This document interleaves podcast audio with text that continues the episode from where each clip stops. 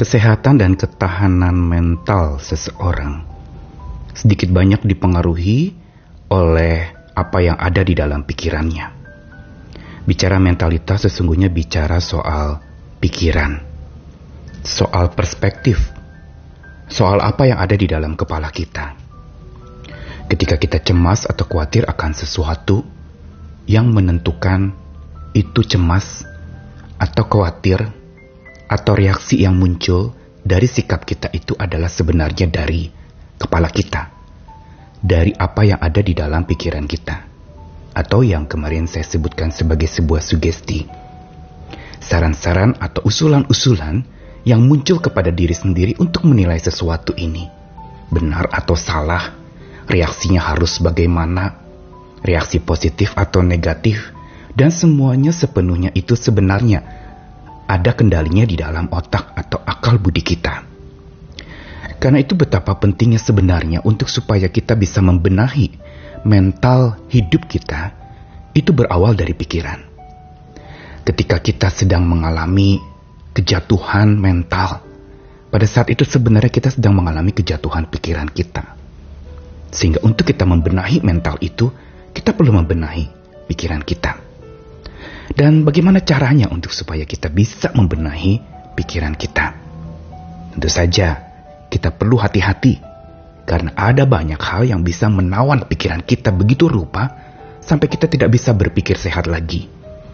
Dan untuk itu, sumber dari pembenahan mental kita dan pikiran kita itu sebenarnya dari Sang Pencipta yang menciptakan mental dan akal budi kita.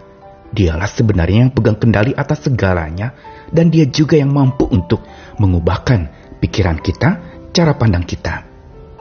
Karena itu kita perlu berkawan dengannya agar kita tidak tertawan oleh berbagai macam godaan-godaan dan sugesti-sugesti salah di dalam pikiran kita. Saya Nikolas Kurniawan kembali menemani di dalam Sabda Tuhan. Hari ini di dalam surat Paulus kepada jemaat di Kolose pasal yang kedua ayat ke-7 sampai 10 saya bacakan lagi dari versi Alkitab. Versi mudah dibaca. Kamu harus bergantung kepada Tuhan saja, sebab hidup dan kekuatan berasal dari Dia. Kepada kamu sudah diajarkan tentang kebenaran. Kamu harus terus yakin akan kebenaran pengajaran itu dan selalu bersyukur. Pastikan bahwa tidak ada orang yang membawa kamu pergi dengan pikiran yang salah dan perkataan yang tidak berarti. Pikiran itu berasal dari manusia, bukan dari Kristus Yesus. Pikiran itu adalah pikiran manusia di dunia ini yang tidak berarti. Di dalam Kristus Tuhanlah berdiam segenap diri Allah, bahkan di dalam hidup Kristus di dunia. Dan di dalam Kristus kamu penuh. Kamu tidak perlukan apa-apa lagi.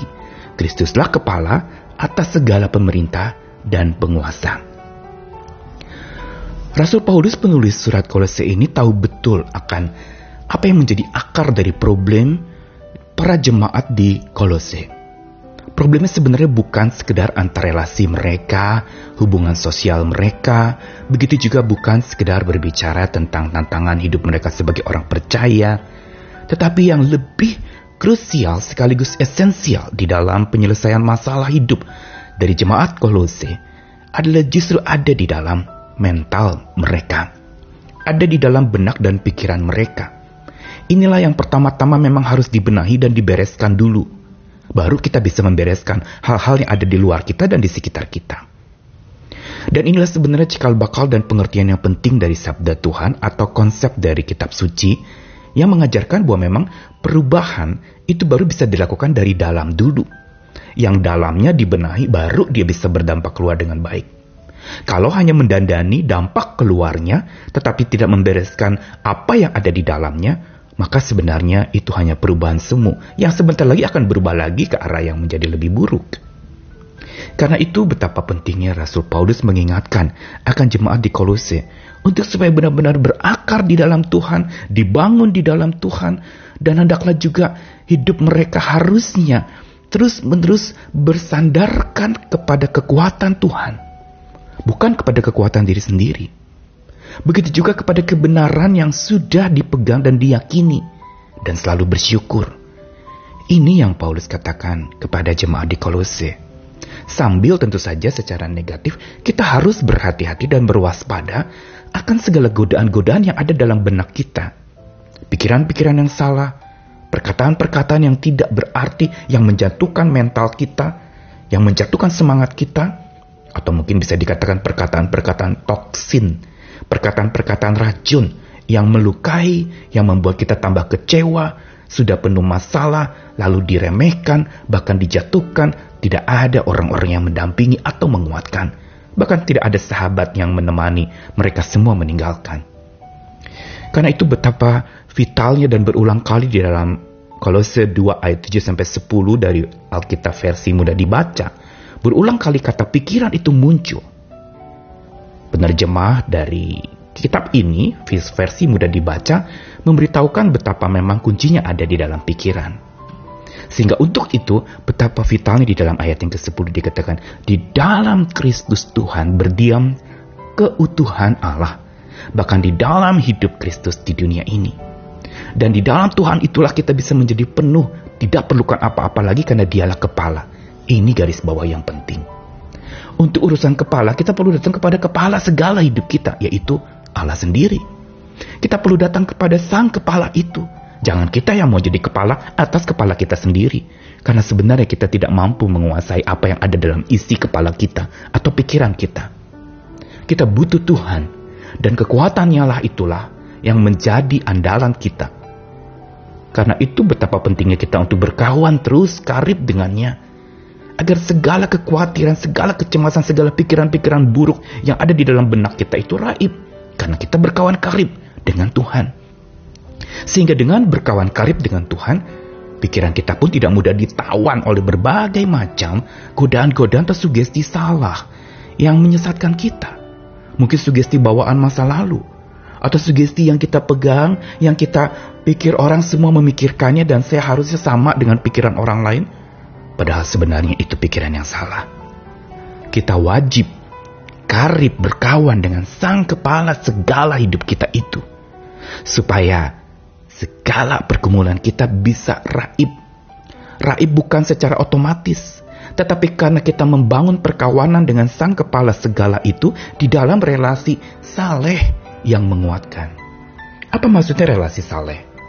Bukan relasi yang sekedar persahabatan dengan emosi, bersenang-senang, bersuka cita, bergembira. Tapi relasi saleh di sini ada sebuah relasi yang di dalamnya ada hormat dan akrab, ada hormat dan karib. Kita menghormati dia seperti orang saleh di dalam ibadah menghormati Allah. Tapi kita juga akrab dan karib dengannya di dalam relasi di mana kita bisa terbuka menceritakan apa saja kepadanya. Jangan tunggu kita sempurna dan beres masalah baru datang kepada Tuhan.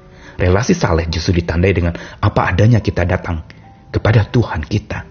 Relasi saleh justru tidak menunggu kita menjadi saleh sebenarnya untuk kita bisa datang dan menghadap Tuhan kita. Tapi kita mampu untuk melihat segala yang salah di hadapan Tuhan karena dia sahabat kita.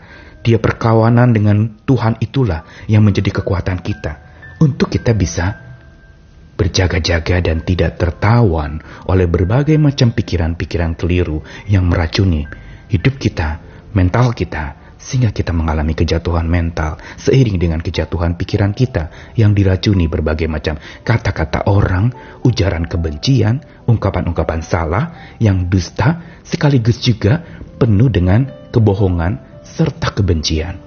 Mari tetap berkawan kepada Tuhan. Mari datang dan katakan, Aku datang ya Tuhan, kepadamu jadikan aku indah. Pegang tanganku, mampukan aku untuk bisa jadi pribadi yang otentik, yang otak dan pikiranku dipenuhi oleh hikmat dari Sang Kepala segala hidupku, yaitu Engkau Tuhan sendiri. Berkawan kepadanya agar tidak tertawan. Amin.